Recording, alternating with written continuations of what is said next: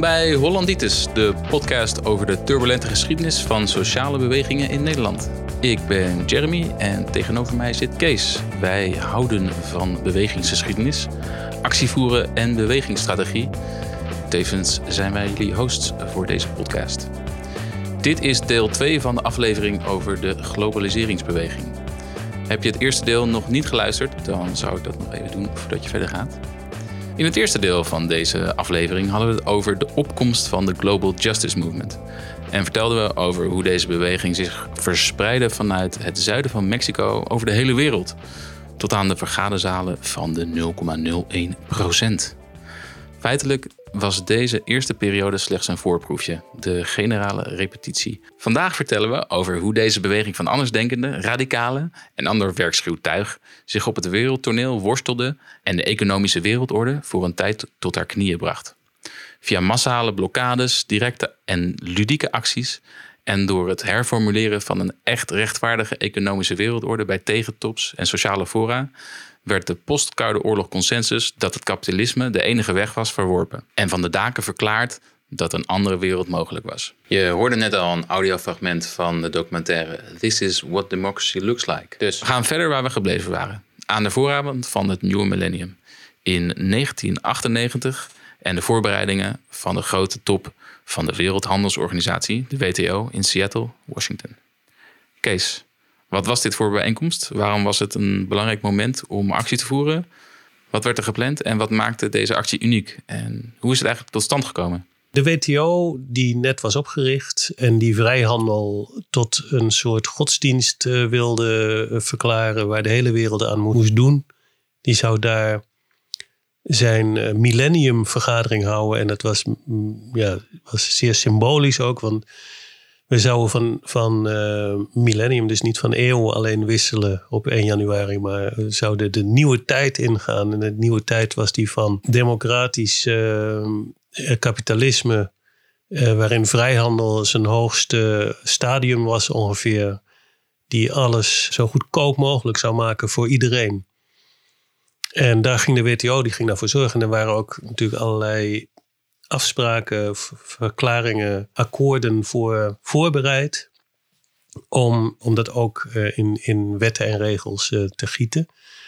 En dat zou dus in Seattle in november Eind november 1999, vlak voor de, wisseling van het, uh, van het jaar, zou dat uh, geëffectueerd moeten worden. Nou, ondertussen was die kritiek op vrijhandel, uh, die was, hadden we het de vorige keer over, die, die was gaan aanloeien. Allerlei bewegingen in de Verenigde Staten vooral, maar ook internationaal. Die bedachten van we gaan die top gaan we gebruiken om onze protest en mogelijk ook onze verzet te ontplooien. En dat hebben ze voortvarend aangepakt. En eh, eigenlijk heel anders dan wij in Europa deden. En over de achtergronden en oorzaken kunnen we het nog eens een keer hebben. Dat is wel interessant natuurlijk, waarom ze dat, uh, waarom ze dat bedachten. Er is onder andere in dat boek uh, Direct Action van uh, E.L. Kaufman, waar we naar kunnen linken, wordt een en ander daarover gezegd. Over de ervaringen die bepaalde generaties hebben gehad met het proberen daadwerkelijke directe actie en verzet massaal te maken. Bewegingen in de VS. Ja, precies. Dus, dus uh, vanaf, laten we zeggen, Vietnam, tegen de oorlog in Vietnam. Maar ook rondom burgerrechten of uh, bepaalde of kerncentrales of infrastructurele projecten. En daar is altijd een hin und wieder geweest van te militant ageren wat jou versmalt en, en doet uh, het, het uh, deelnemersaantal doet verminderen naar meer symbolisch ageren, waardoor je weer massaal wordt, maar niks meer af kan dwingen omdat ze gewoon je demonstratie lachend langs laten komen. En daartussenin zit een hele rijke geschiedenis van andere manieren van die dingen combineren. Dus massaliteit en toch uh, de heersenden het vuur aan de schenen te leggen. En dat werd nu uit de kast getrokken met dingen die geleerd waren in, in de jaren negentig. Onder andere bij uh, proberen om de democratische en republikeinse conventies, ook Earth First, die met milieuactivisme bezig was, heeft een rijke geschiedenis in de Verenigde Staten met allerlei vormen van sabotage en directe actie. En veel mensen die daarin actief waren, die namen nu deel aan de voorbereidingen voor die top in Seattle. En hoe waren ze eh, betrokken geraakt bij, uh, want het zijn milieuactivisten. Waarom waren ze opeens bezig met de wereldeconomie? Nou, omdat dat was onderdeel van de ideologische en het onderzoeken van wat die vrijhandelsagenda betekenen. Dat gaat ook heel veel voor uh, milieu en natuur en je leefomgeving betekenen. Dat wisten zij ook. Bovendien waren veel radicale activisten in Earth First. Die waren niet alleen met milieu bezig. Die wisten dat dat eh, is maar een onderdeel van het hele uh, kapitalistische uh, set aan uh, hoe jouw levensomstandigheden bepaald worden. En die voelden zich daar onmiddellijk deel van uitmaken. Maar vooral in Amerika waren veel voorbereidende vergaderingen. En ook lokaal. Want Amerika is natuurlijk een enorm groot land. We hebben het over de Verenigde Staten van Amerika, niet het werelddeel. Dus daar waren structuren opgebouwd en of gebruikt, voortgezet. Onder andere die Earth First-achtige structuren, waarin dan uh, de eerste voorbereidende vergaderingen voor de WTO-acties uh, gedaan werden. En daarin uh, speelde onder andere, er was zo'n netwerk opgezet, de Ruckus Society, die, en het Direct Action Netwerk, twee eigenlijk um, activistische structuren, zou je kunnen zeggen, die heel erg duidelijk bezig waren met um, um, handleidingen en ideeën te ontwikkelen over hoe je met affinity groepen, dus basisgroepen, deel kan nemen en hoe je een diversiteit aan, aan actiemiddelen kan, kan opbouwen en aanbieden. Kan je dat uh, wat meer uitleggen? Wat is, wat is een, uh, een basisgroep?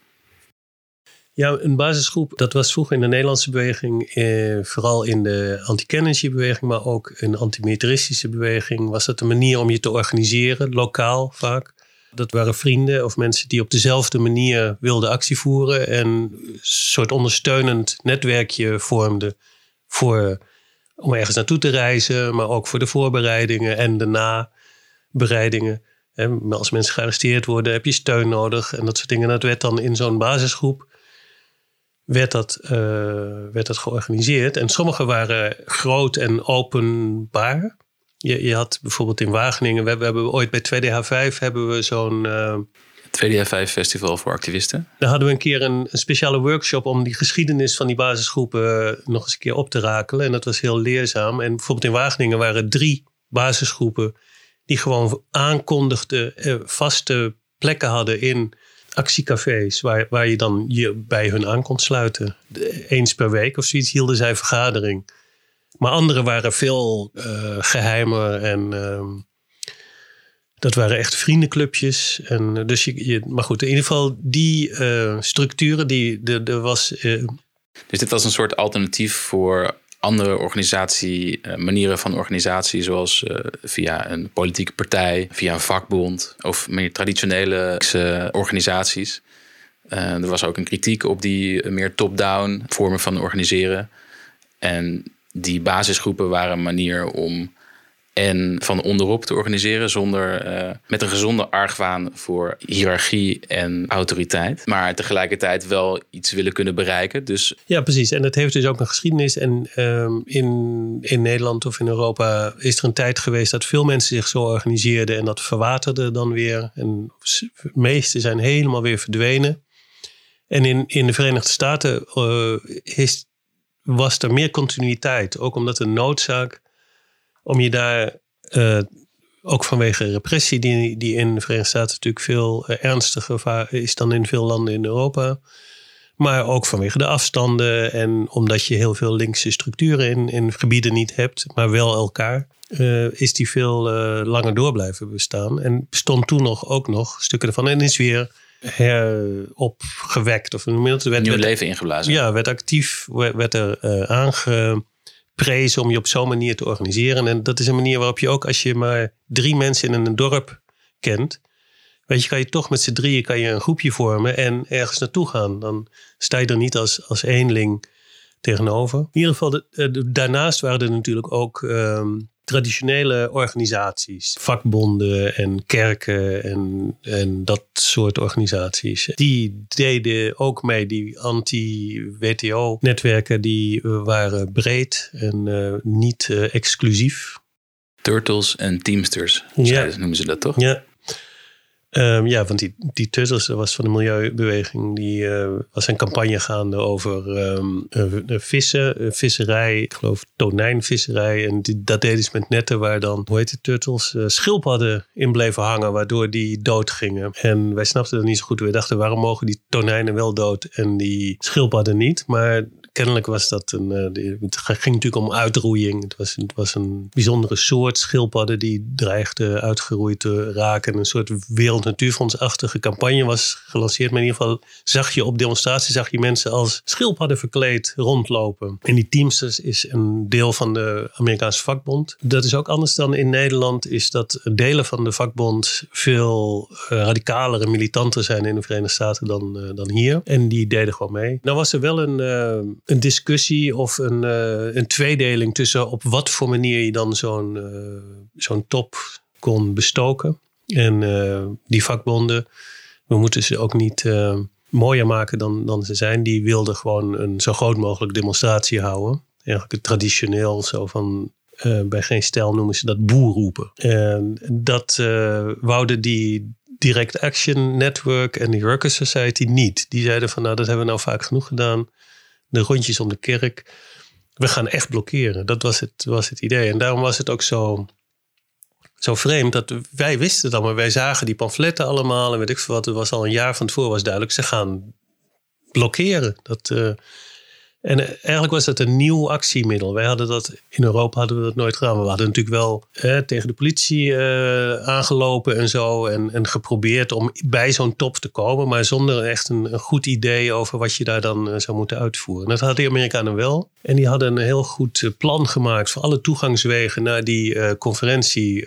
om daar op verschillende manieren blokkades uh, te organiseren. En ze hadden bij die voorbereidende uh, vergadering ook heel veel getraind daarin. Van hoe ga je daarmee om en hoe zorg je dat je die blokkades zo lang mogelijk vol kan houden. En de meeste waren geweldloos, maar niet allemaal. Want dat was binnen die weer meer radicale netwerken was geen eh, consensus over geweldloosheid. Dat is ook een verschil met nu. Waardoor je gewoon kon kiezen van met wat voor middelen je daar de straat op ging. Nou, en om een heel lang verhaal kort te maken, dat lukte dus uiteindelijk. Het werd een mislukking van de, van de WTO-top, die juist zo enorm gehyped was. En waar zo naartoe was gewerkt door politici en, en economisch uh, leidinggevenden, hoe noem, je, hoe noem je die klassen? Om te zeggen van ja, dit wordt zo'n belangrijk moment. En dat millennium hing daarboven, weet je, die wisseling. Dat was zo'n symbolisch moment. En toen uh, ja, kwamen er tienduizenden mensen om te blokkeren. Het was net zo regenachtig als wij hier nu zitten. Kan ik, nog, kan me de beelden nog goed herinneren. Wij waren daar natuurlijk niet, want dat deed je niet. Helemaal de oceaan overvliegen om uh, aan zo'n protest deel te nemen. In tegenstelling tot de mythes die er over die globaliseringsbeweging gingen. Dat wij een rondreizend circus waren die gewoon de hele tijd bezig waren om overal op de wereld uh, protesten te organiseren. Was dat natuurlijk vooral een lokaal gebeuren. En wat we wel hadden gedaan was wij eisten een gratis vliegtuig. We zijn met z'n allen naar Schiphol toe gegaan met iets van, ik geloof wel 200 mensen. We hadden kaartjes uh, gemaakt en uh, iedereen had koffers bij zich. En het was een soort parodie, maar ook een actie.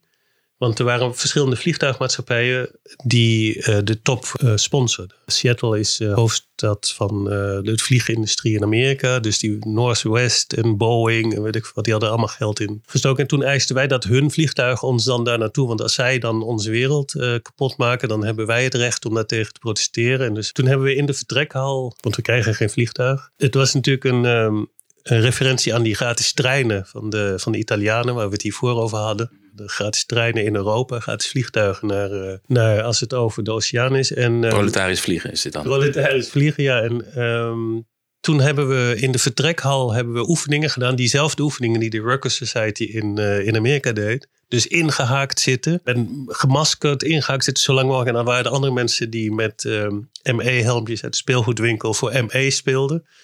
En uh, nieuwigheid voor ons, ze hadden plantenspuiten met, bij zich met pepperspray. Waar, waarmee dan in de gezichten van de mensen werd uh, gespoten en zo. En, en, dat was allemaal een soort toneelstuk. Waardoor je ook iets activistisch is. Schiphol werd redelijk op zijn kop gezet. Daarna hebben we nog de regels van American Football. Hebben we in die hal uitgelegd. En toen zijn we weer weggegaan. En toen kwamen we thuis. En toen zetten we CNN bestond toen net of misschien al een tijdje. Maar in ieder geval je kon toen al live televisie. En toen zagen we de beelden uit uh, Seattle. En die waren precies wat we nagespeeld hadden. Dus er waren van die ingehaakt zittende mensen die verschrikkelijk door de politie uh, belaagd werden. En met pepperspray vol gepompt werden. En traaggas. En enorme toestanden. En uh, toen bleek ook dat die top aan het mislukken was. Want die had al moeten beginnen. En er was zo'n klok. Die hing daar van, die wij hier hebben als de trein vertraagd is, van drie uur na de, de, de vergadering had drie uur geleden moeten beginnen. Uh, er, zijn, er is nog maar 10% eh, van de gedelegeerden is binnen. Dus die andere 90% die konden niet door die blokkades heen komen. Dus dit waren delegaties van over de hele wereld, van, van handelsdelegaties van verschillende staten. Ja. En die konden gewoon niet binnenkomen. Die konden gewoon niet binnenkomen. En tot hun uh, grootste schande was Madeleine Albright, de minister van Buitenlandse Zaken, geloof ik. Die zou het openen. En die kwam ook niet binnen. Die, is gewoon blijven hangen. Ze hadden dat niet voorbereid. Tegenwoordig is dat ondenkbaar. Dat soort mensen worden gewoon met, met helikopters ingevlogen die je niet kan blokkeren. Of ze zijn er al, weet je. Of ze, of ze kiezen een venue waar je met tunnels onder de grond naartoe kan gaan. Maar omdat dit de eerste keer was dat het zo aangepakt werd, waren ze daar niet op voorbereid. De politiechef van Seattle heeft ook ontslag moeten nemen, want het was echt een, uh, een zootje was het. Maar goed, dus, dus dat was op CNN Live te volgen. Madeleine Albright has not yet arrived. En die had dan eh, op een gegeven moment, nou, ga je eten. En dan twee uur later doe je de tv weer eens aan en dan is ze er nog steeds niet. Dus die was gewoon, ik geloof dat het na acht uur gelukt was om haar daar binnen te, te krijgen. En toen werd die geopend en toen was de zaal half leeg, dat zag je gewoon. En wat ook uh, fantastisch was van CNN, ere wie ere toekomt, was dat zij hadden afwisselend camera's op straat en in die conferentiezaal.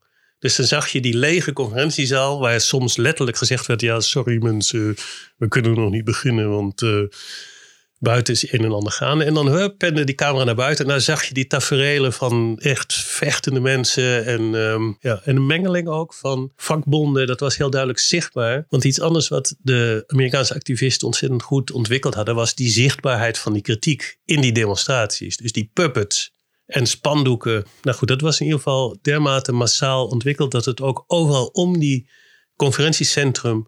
had je groepen die dat decentraal dus konden, konden inzetten. Ja, dus je had uh, allemaal affiniteitsgroepen. Die waren opgedeeld in verschillende grotere groepen. En die waren dan verantwoordelijk voor een bepaalde intersectie, een bepaalde brug, een bepaald gebied, om dat gewoon helemaal, uh, helemaal plat te leggen. Ja, er waren van tevoren kaarten gemaakt waar die plekken allemaal stonden aangegeven. Dus je kon ook doorgeven aan elkaar. Bij uh, B26 wordt het nu een beetje dunnetjes, dus daar moeten mensen naartoe. En dat, eh, dat gebeurde dan ook. Hm. Dus eigenlijk een, soort tegenhanger van de politie ben je op dat moment aan, aan, het worden, want die pakken dat ook zo aan. Er zijn veel meer verhalen over Seattle te vertellen. Dat is ook gebeurd natuurlijk. Er is zelfs een speelfilm over gemaakt. Die speelfilm heet The Battle of Seattle. En de documentaire heet This is what democracy looks like.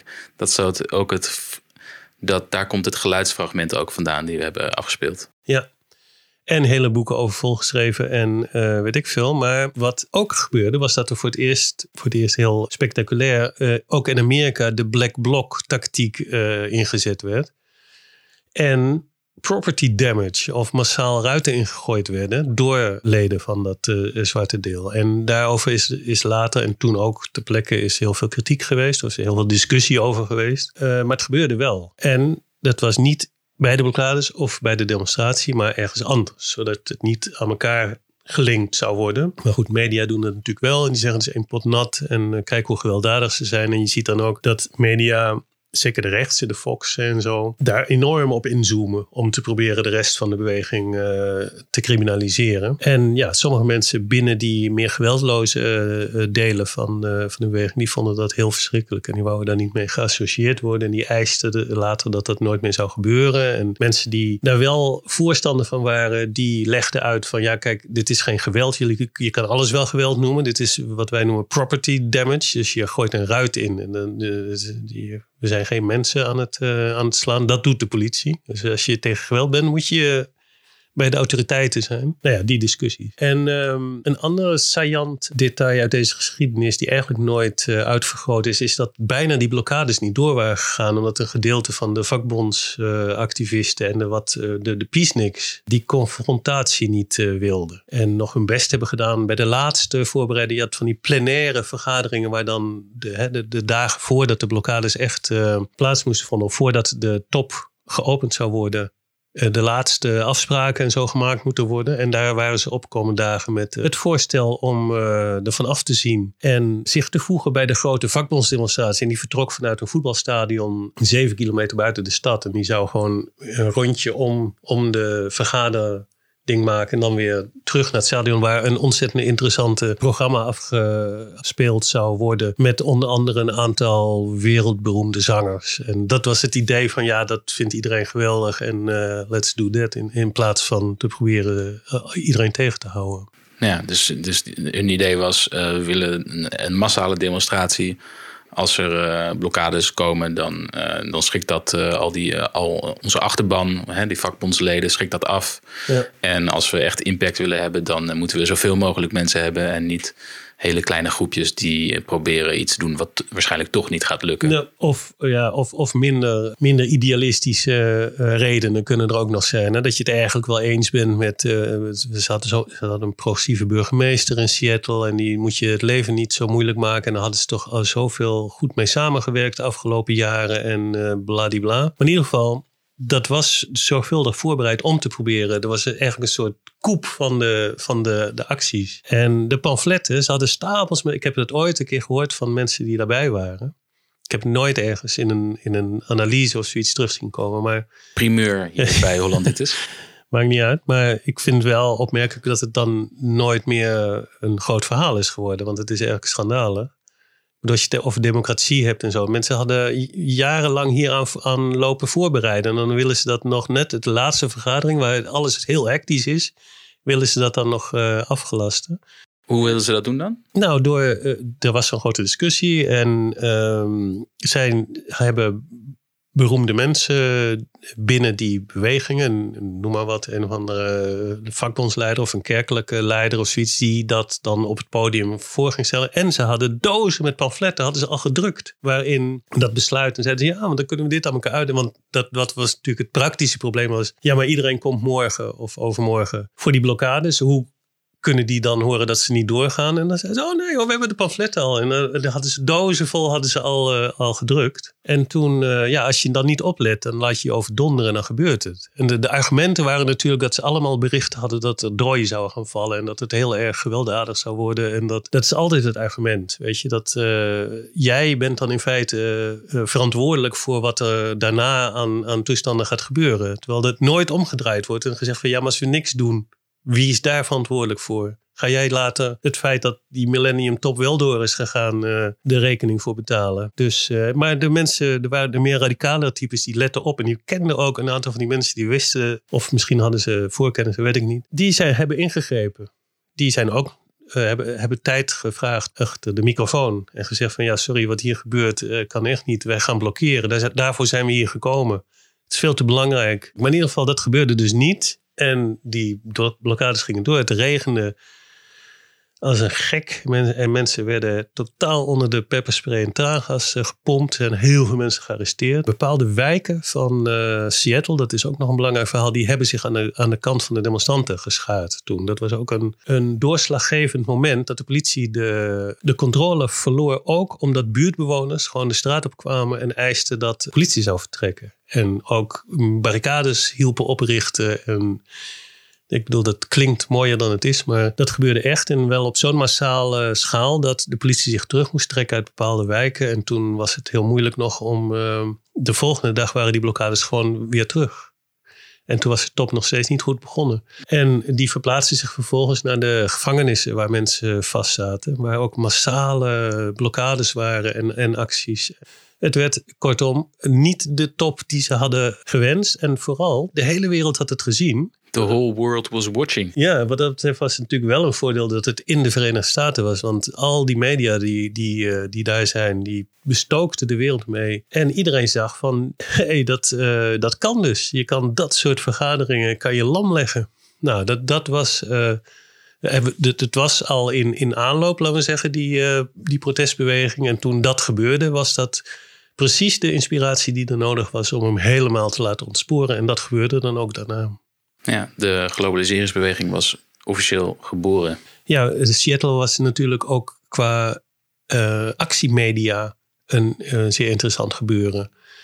Dat je zag dat het uh, was uh, gelukt, hè, dat dat netwerk wat die protesten organiseerde om heel veel mensen te mobiliseren, ook over bewegingen heen, maar ook internationaal in staat was om een deel van de berichtgeving te bepalen. En dat kwam onder andere doordat internet toen aan het, aan het ontstaan was. En het eerste indie media website, geloof ik, um, kwam toen in de lucht. Waar iedereen die toegang had tot internet, wat toen nog redelijk ingewikkeld was. Dat moest je via een modem uh, aan je telefoon uh, moest je dat doen. Die kon daar toegang, uh, die kon daar informatie van, vandaan halen. En daardoor kon je onafhankelijk van wat de media ervan maakte, kon je allerlei getuigenissen en foto's. Weet niet of je die toen al had. Ik denk het eigenlijk niet. Maar in ieder geval de nieuwsberichten daarover uh, uit eerste hand van de demonstranten zelf uh, kon je die krijgen. En er waren al internationale groepjes aan het vertalen, dan zodat het ook in andere talen dan uh, beschikbaar was. En dat ging razendsnel. Ja, het innoverende was dus dat, dat iedereen die nieuwswebsite bestond er in die media. En iedereen kon daar op posten. Je hoefde geen account aan te maken. Je hoefde uh, geen lid te zijn.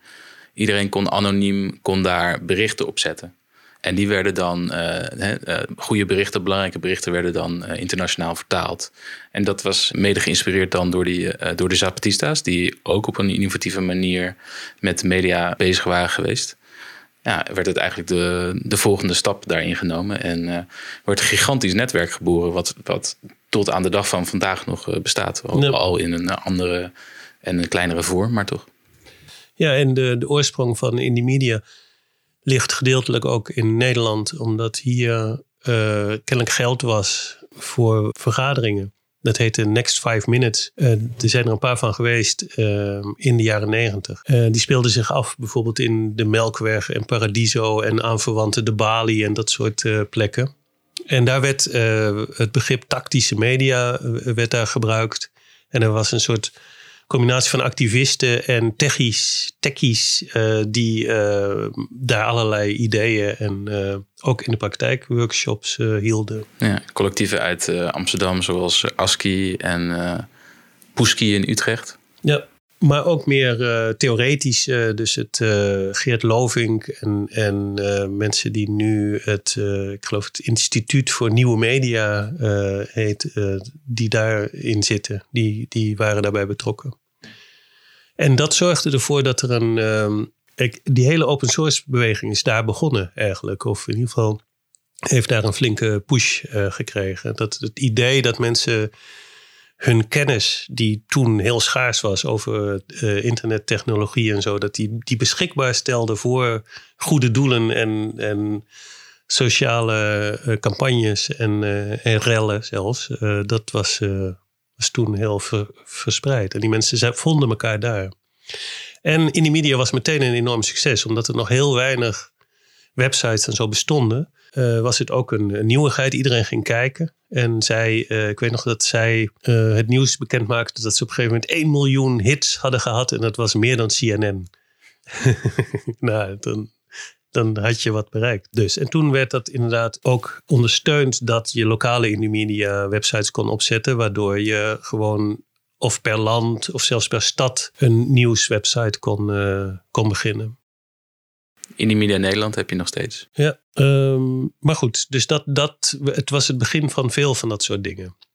Maar het was vooral een politieke ja, steen door de ruit van uh, corporate uh, vrijhandels ik wou zeggen Amerika, maar eigenlijk internationaal. Dat werkte enorm stimulerend. En overal gingen mensen ook de straat op om te proberen hun lokale of internationale top te blokkeren. En zo ook in Davos. Ja, dat, dat vond dus al jaren, elk jaar plaats, uh, begin van het jaar. Ook dit jaar. En voor de tweede uh, achtereenvolgende uh, jaar werden daar um, ook massale protesten en, en, en aanvallen uitgevoerd. Onder andere gemobiliseerd door de de boze Franse boeren, de Confédération Paysanne, waar veel op geregeerd was. En ehm, er waren daarna in dat jaar, eigenlijk het jaar 2000, zit helemaal vol met uh, gewelddadig verlopende topconferenties en protesten daartegen. En dat was een van de redenen waarom het idee ontstond om een World Sociaal Forum te organiseren waar je zelf de agenda van bepaalde. Dus dat je niet uh, de, de dynamiek en de inhoud liet opleggen door wat de tegenstander organiseert en daarop afstormen. Maar dat je dan zelf uh, een plek ging uh, organiseren en mensen uitnodigen en discussies en campagnes ging bespreken. En dat gebeurde dus in 2001, januari van 2001. Precies op hetzelfde moment als het World Economic Forum plaatsvond in Davos, vond dat in Brazilië in Porto Alegre plaats. En dat was meteen een enorm uh, spektakel, een enorm succes. Tallen weet ik niet meer zo precies, maar ook dat is allemaal goed. Tien, tienduizenden. Tienduizenden mensen en allemaal onderwerpen. En al die bewegingen waren er ook, voor zover ze nog, nog mochten. Want uh, daar hadden we het vorige keer ook al over. De, de Zapatistas die mochten niet komen, want die hadden geweren gebruikt. En uh, een of andere slimmerik had erin gefietst dat het alleen geweldloze bewegingen mochten zijn die daaraan deelnamen. Dat was, tegelijkertijd was het natuurlijk geen toeval dat het precies gelijktijdig met het World Economic Forum plaatsvond. Dat aan de ene kant op je duidelijk te distancieren van die wereld, hè, de neoliberale machthebbers. Maar ook om je te distancieren van die gewelddadige railschoppers met hun bivakmutsen die daar bezig waren de boel te punken. Want dat gebeurde toen ook weer. Want het waren niet de uh, gewelddadige railschoppers die deze... Uh Wereld, uh, Wereld Sociaal Forum hadden opgericht dus? Nee, ja, gedeeltelijk overlapte het misschien. In die zin is het natuurlijk een karikatuur die we nu aan het, uh, aan het, aan het maken zijn over de mensen die demonstreerden tegen het WEF. Dat waren heel veel... Uh, Keurige mensen. Ja, hoe noemen, noemden ons ook alweer radicale huisvaders. Oh ja, mensen zoals jij en ik. Ja, en... Maar die wel de zin inzagen van directe actie. Maar ehm, het, het verliep steeds uh, gewelddadiger, dat, dat soort topprotesten. En dat was een van de redenen waarom veel van de NGO's vooral uh, dachten van daar kunnen we onze naam niet meer aan verbinden. Toch hadden ze een probleem dat, uh, dat ze daardoor een soort, soort fear of missing out, dat ze daardoor niet deel zouden nemen aan die steeds populairder wordende globaliseringsprotesten. Dus hoe los je dat op? Door je eigen soort pseudo-protest te gaan organiseren. Dat deden ze in Porto Alegre waar op dat moment de arbeiderspartij van, hè, waar, waar Lula van is, aan de macht was. En, en radicalere partijen die daaruit voort zijn gekomen van zijn afgesplitst. Dus daarom kon je dat daar organiseren. En de NGO's die daarvoor de tegentoppen hadden georganiseerd. En dus een deel van de protesten. Die staken allemaal hun geld in, in het eh, organiseren van het World Social Forum. En er was nog wel enige kritiek van, ja, waarom nou precies in datzelfde. Je kan toch en het World Economic Forum bestoken en je tegenmanifestatie uh, organiseren. Dat hoeft toch niet precies hetzelfde, hoeft toch niet met elkaar te concurreren. Uh, dus, dus die discussie werd nog een beetje gevoerd, maar de, de Radikalinski's uh, die zijn nooit zo heel erg goed in, laten we zeggen, media presentie en, en zo. Dat, dus dat, dat wonnen de Novips, laten we het zo zeggen. En ik weet nog dat Walden Beljo, die was bij dat World Sociaal Forum een Filipijnse activist, een academicus en uh, ex-parlementariër die veel met de globaliseringsbeweging bezig is geweest, altijd voor Focus on the Global South. En hij was redelijk beroemd, is hij nog steeds. En hij werd door het World Economic Forum, want die hadden toen een deal gesloten dat ze een soort samen debat zouden doen over de toekomst van de wereld en het neoliberalisme. En toen was die uh, Kurt Schwab of Karl Schwab, die, die, waar nu alle wappies al, uh, al hun complottheorie over hebben, de, de hoofd van het World Economic Forum. Die vroeg toen aan Walden Beljo, meneer Beljo, wat kunnen wij dan doen om, om uh, voor een betere wereld te zorgen? En toen was Walden Beljo, die was attent genoeg om te zeggen van, nou meneer Schwab, als nu u het toch vraagt, u kunt uzelf het best in een baan om de aarde schieten.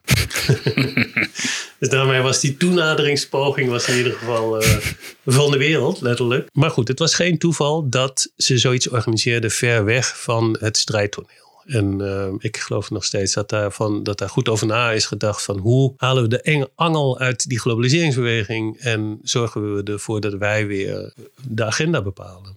los van dat er, dat er wel degelijk uh, goede argumenten zijn natuurlijk om een steeds gewelddadiger verlopende actietraject, om daar proberen iets, uh, iets aan te doen. Ja, want het is natuurlijk ook belangrijk om. Hè, je kunt overal wel tegen zijn de hele tijd.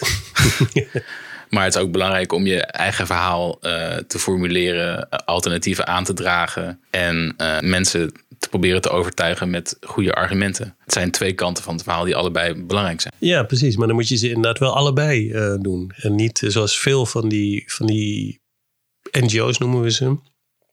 Ja, die, die willen toch echt geen verhalen horen over te militante vormen van actie voeren en het echt uh, afschaffen van de tegenstander en zo. Die willen dat. Uh... Maar goed, en plus dat het natuurlijk niet uh, waar is dat die meer, meer radicale actievoerders dat die dat niet doen en dat die daar niet over nadenken. Dat gebeurt wel. Alleen er zijn momenten dat je dat even niet doet, want dan moet je knokken. En dat was wel heel belangrijk voor die beweging. En ja, je kan niet zonder dat je de illusie, hè, daar hadden we vorige keer ook al over, dat je dat soort strijd kan voeren. En, en zeker niet dat je het kan winnen zonder dat je af en toe de grens overschrijdt. Ja, die is uh, gevaarlijk.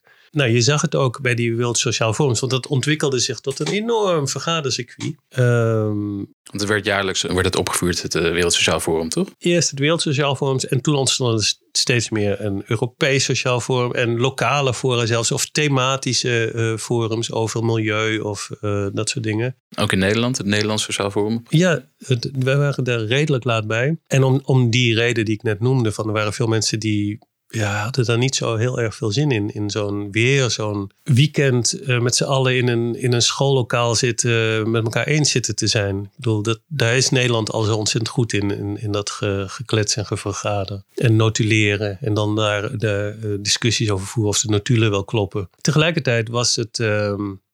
Was het duidelijk dat er uh, een soort uh, convergentie aan het ontstaan was, die daarvoor onmogelijk was. Hè. De, de Koude Oorlog was in die zin ook voorbij, dat al die linkse bloedgroepen plotseling door hadden van, nou, we zijn met z'n allen zijn we redelijk klein geworden, laten we die haarkloverij uit het verleden, laten we die eens overboord gooien. En konden allerlei groepen konden weer samenwerken. En er was ook um, er werd ook duidelijk op, op, op uh, mobilisaties en zo werd er goed gereageerd. Er was, plotseling was er weer mogelijkheden om heel veel mensen voor protest uh, op, op straat te krijgen. Dus uh, daar, om daar goed over na te denken van hoe pak je dat aan en hoe zorg je ervoor dat dat niet bij een eendagsvlieg blijft, is natuurlijk goed om te vergaderen. En wij hadden ook een platform opgericht, dat heette De Wereld is niet te koop. The World is not for sale, was gewoon gejat van, van de meeste van die platformen. Heette of dat of Another World is possible. Maar ja, sommige die, van die one-liners die raken op een gegeven moment sleets. En die, uh,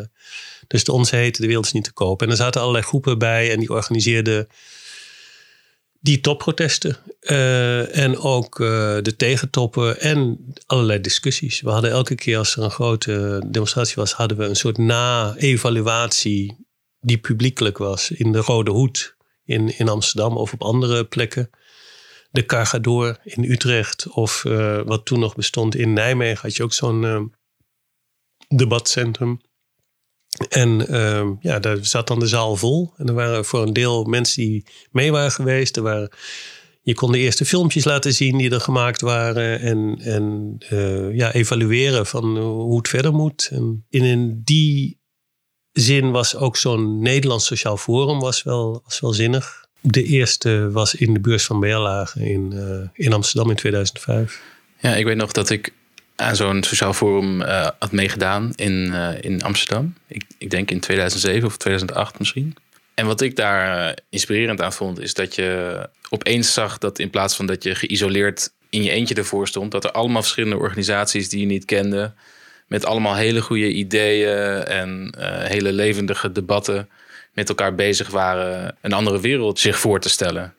Dat vond ik echt, uh, echt heel mooi om te zien. En dat idee dat, dat er een stel uh, um, steengooiende radicalinskis op die tops waren. En dat ze eigenlijk helemaal niet wisten waar ze mee, uh, wat ze wilden en al dat soort dingen. Dat discours werd co compleet weggevaagd. Want je zag, dit zijn hele serieuze mensen met hele goede ideeën. En je zag ook de mensen die op straat stonden, zag je hè, de volgende dag in die in die discussies deelnemen. Dus er waren echt mensen die, die wisten waar ze het over hadden en die bereid waren hun eigen lichamen op, uh, op het spel te zetten. Op straat staan bedoel je, want er was een demonstratie dan altijd aangekoppeld? Nee, maar um, de organisaties en, de, en die figuren die ook deelnamen aan de grote, grote protesten, die namen ook deel, uh, deel aan die fora. Dat signaleerde aan mij dat, ja, dat, het, dat het niet alleen, maar, uh, niet alleen maar demonstreren was. Het was niet alleen maar praten, maar juist het belang van die twee uh, daar ging het om. Ja.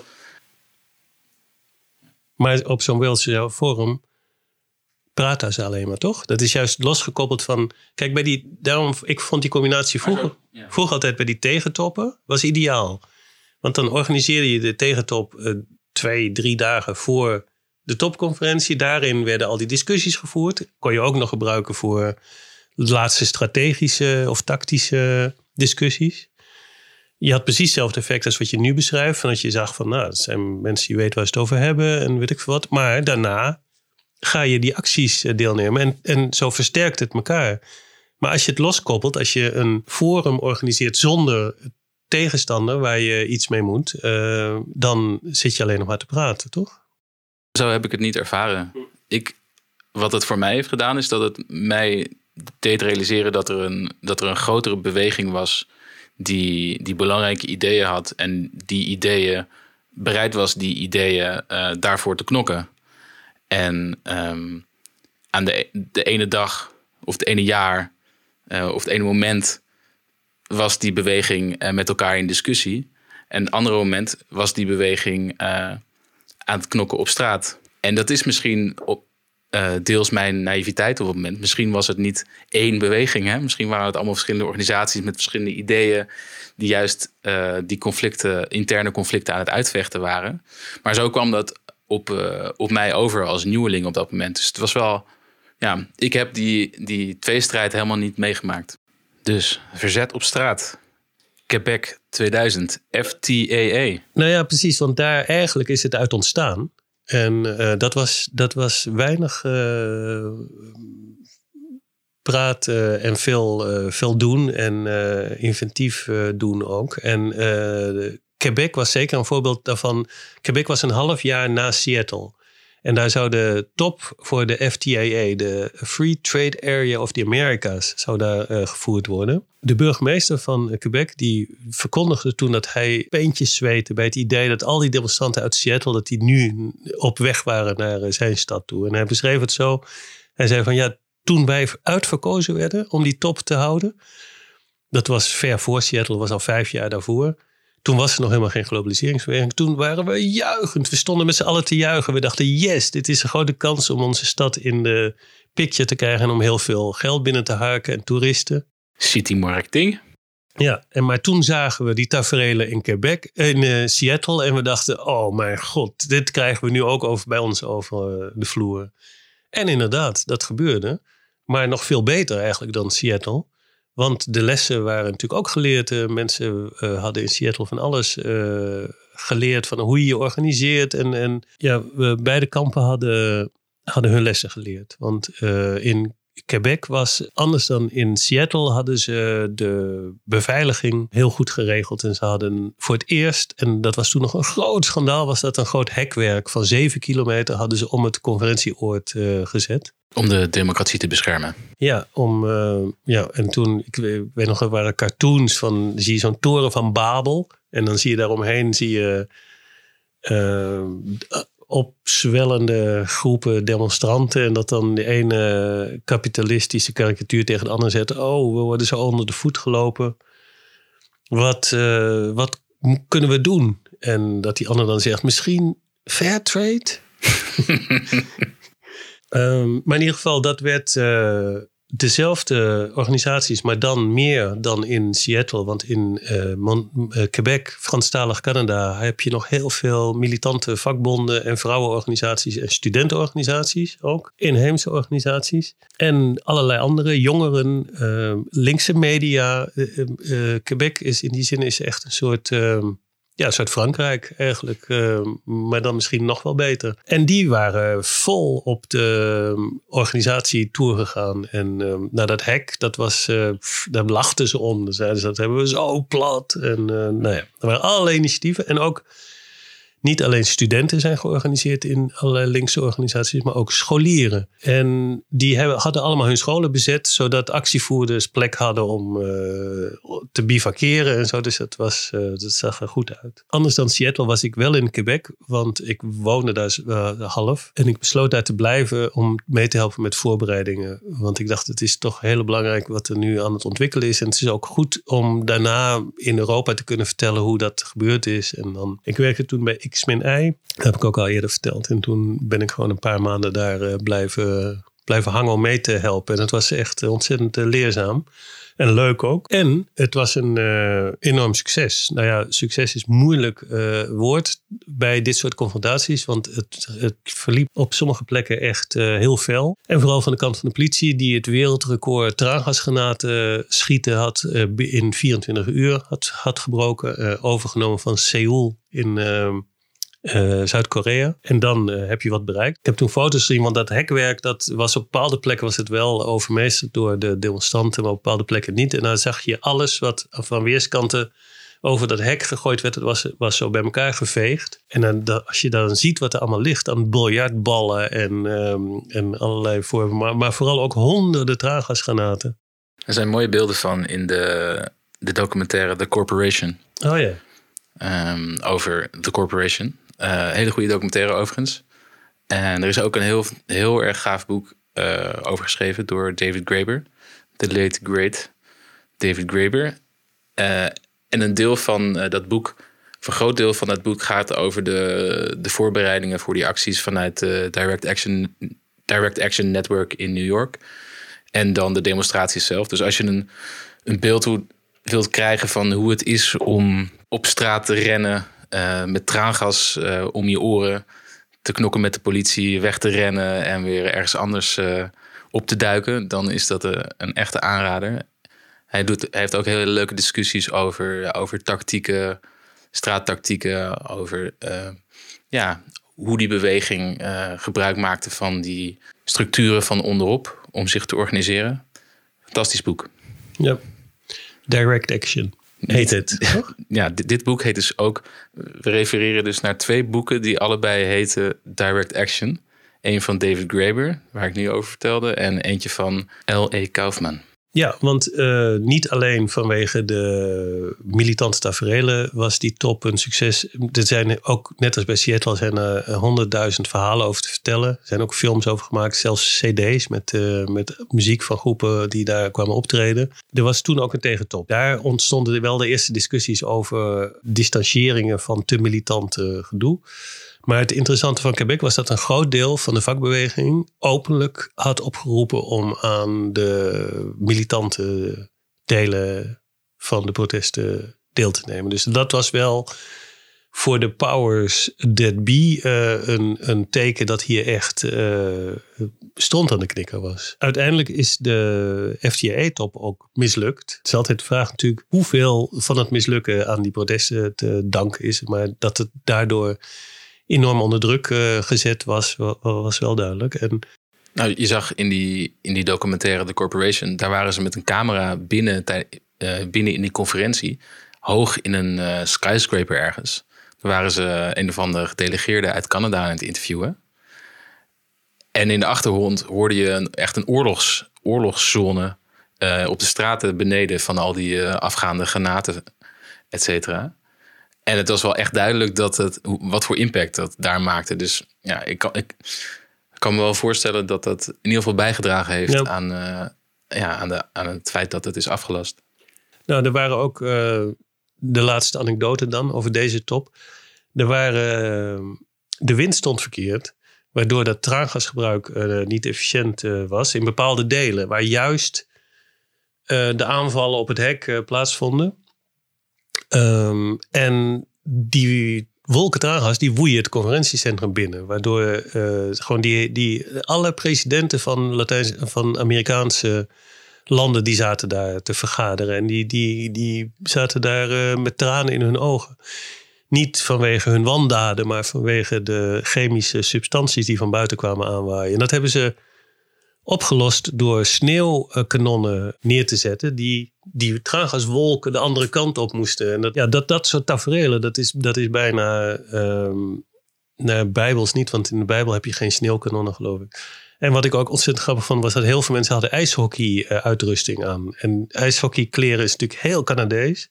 Maar het is ook heel goed bij om je te verdedigen tegen, of te beschermen, je lichaam tegen, tegen politiegeweld. En die sticks, die kan je gebruiken om die traangasgranaten weer terug te wippen het hek over. Wat toen ook nieuw was, want we moeten weer terug naar het serieuze deel. En niet te veel Dead's Army uh, verhalen vertellen. Was dat ze vanwege de discussies over hoe gewelddadig het nog kan zijn, willen bepaalde vreedzame groepen en zo mee kunnen doen. Hadden ze bedacht de diversity of tactics als uitgangspunt. Dus je gaat je niet jouw specifieke actiemiddel opleggen aan anderen. Dat is ieders eigen verantwoordelijkheid. En dus tegenwoordig hoor je dat bijna niet meer. Moet alles geweldloos zijn. Maar toen was dat niet zo. En uh, ze hadden de zones verdeeld in bepaalde kleurencodes. Zodat je ook wist, hè, als ik geen zin heb om met politie geconfronteerd te worden met beelden dat mensen met politie aan het vechten zijn. Ik wil alleen uh, liedjes zingen of zo. Dan was er een bepaald deel van dat zeven kilometer lange hekwerk voor gereserveerd. Ik wil demonstreren met mijn familie, met mijn kinderen. Ja, um, daar was ook een zone voor. er waren verschillende kleuren en dan wist je gewoon... Maar dat heeft voor- en nadeel, want de politie wist daardoor ook... gewoon op welke zone ze al hun uh, firepower moesten concentreren en zo. En later bij Genua, dat is weer veel later, zag je dat, is dat ook geprobeerd. En toen... Uh, lukte het niet meer omdat de politie gewoon alles en iedereen in elkaar sloeg. Of ze nou uh, vreedzaam waren of, of een helm op hadden of wat dan ook.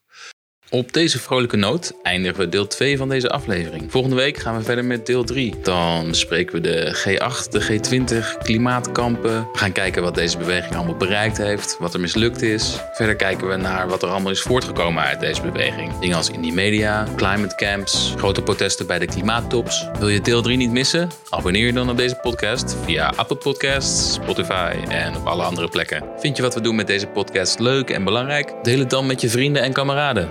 Onze website vind je op hollandituspodcast.nl. Via Facebook en Instagram zijn we te vinden onder Hollanditis Podcast. En bij Twitter en Mastodon, Hollanditis. Nogmaals bedankt Paljas voor het intro en outro nummer. Tot volgende week.